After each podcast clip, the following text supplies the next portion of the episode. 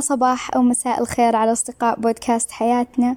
بودكاست المواضيع وشوية سوالف وكالعادة من كل موضوع ممتد قطرة. كيف حالكم يا أصدقائنا وكيف أجواء رمضان معكم هالسنة؟ الأجواء روحانية مع الدراسة متعبة ولا مريحة وسريعة؟ صراحة ما حسيت بالأجواء مرة إلا بالعشر الأواخر يمكن. رمضان خلص بسرعة البرق لا إله إلا الله. الله يتقبل منا ومنكم صالح الأعمال يا رب.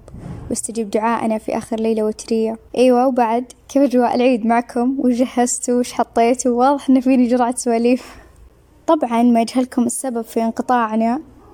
ولو إن خمسين بالمية انقطاعنا كان بدون سبب والخمسين بالمية الثانية كانت الدراسة طبعا.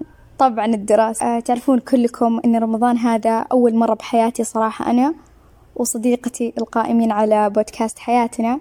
كان أول مرة بحياتنا نجرب الدراسة في رمضان. شي كان مرة ثقيل. ما استسغته ولا حبيت الدراسة مع رمضان. بالصراحة ما في ذاك الشغف والحماس يعني مو موجودين لسبب أجهلة. بس إنه إن شاء الله مع أجواء صباح العيد ولخبطة النوم والتجهيزات يرجع الحماس. العيد إن شاء الله يكون يوم الاثنين عندنا في السعودية مع أجواء فطور الصباح وكشخة العيد والبخور والعطور وحلاوة العيد. وأنتم بعد شاركوني وش الأشياء اللي لازم تصير ولا ما تحسون أن عيد؟ والحمد لله اللي بلغنا وياكم هذه الأيام الفضيلة وإن شاء الله يبلغنا مشاركة العيد مع بعض بما أن هذا أول عيد لنا معكم. كل عام وأنتم بخير. ولا تنسوا أن تحفظون ردود المعايدة نلقاكم في حلقة الجمعة مع مواضيع وحلة جديدة بإذن الله.